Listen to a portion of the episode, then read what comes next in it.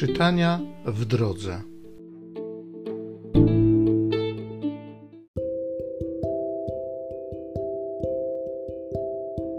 Z księgi Rut. W czasach, gdy rządzili sędziowie, nastał głód w kraju. Z Betlejem Judzkiego wyszedł pewien człowiek ze swoją żoną i swymi dwoma synami, aby osiedlić się w ziemi Moabu.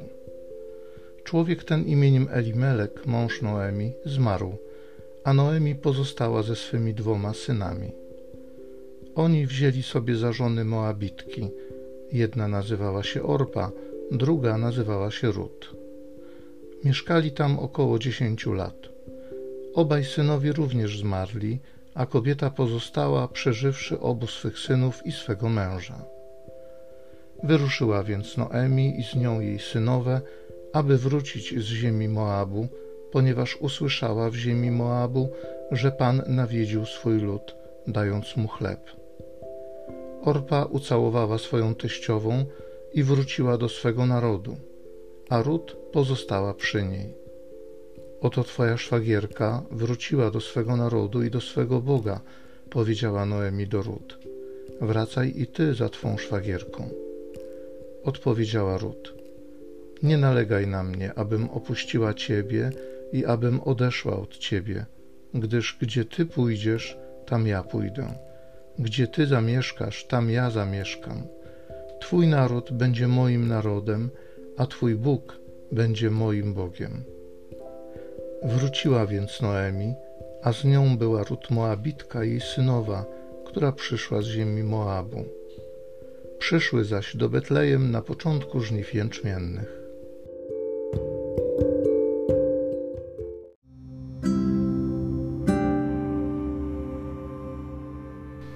Z Psalmu 146 Chwal duszo moja Pana, Stwórcę swego. Szczęśliwy ten, kogo wspiera Bóg Jakuba, kto pokłada nadzieję w Panu Bogu. On stworzył niebo i ziemię i morze ze wszystkim, co w nich istnieje.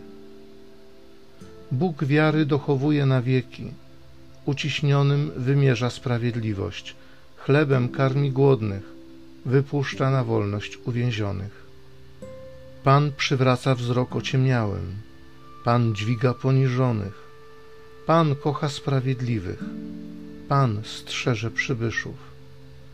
Ochrania sierotę i wdowę, lecz występnych kieruje na bezdroża.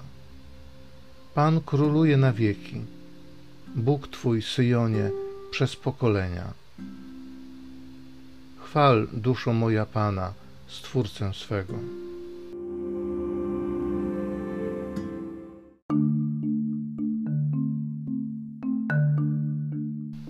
Naucz mnie, Boże, chodzić Twoimi ścieżkami. Prowadź mnie w prawdzie według swych pouczeń.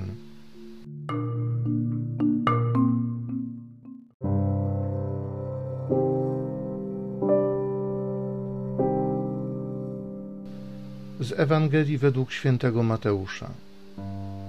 Gdy faryzeusze posłyszeli, że zamknął usta saduceuszom, zebrali się razem, a jeden z nich, uczony w prawie, wystawiając go na próbę, zapytał: Nauczycielu, które przykazanie w prawie jest największe? On mu odpowiedział: Będziesz miłował Pana Boga swego całym swoim sercem, całą swoją duszą i całym swoim umysłem.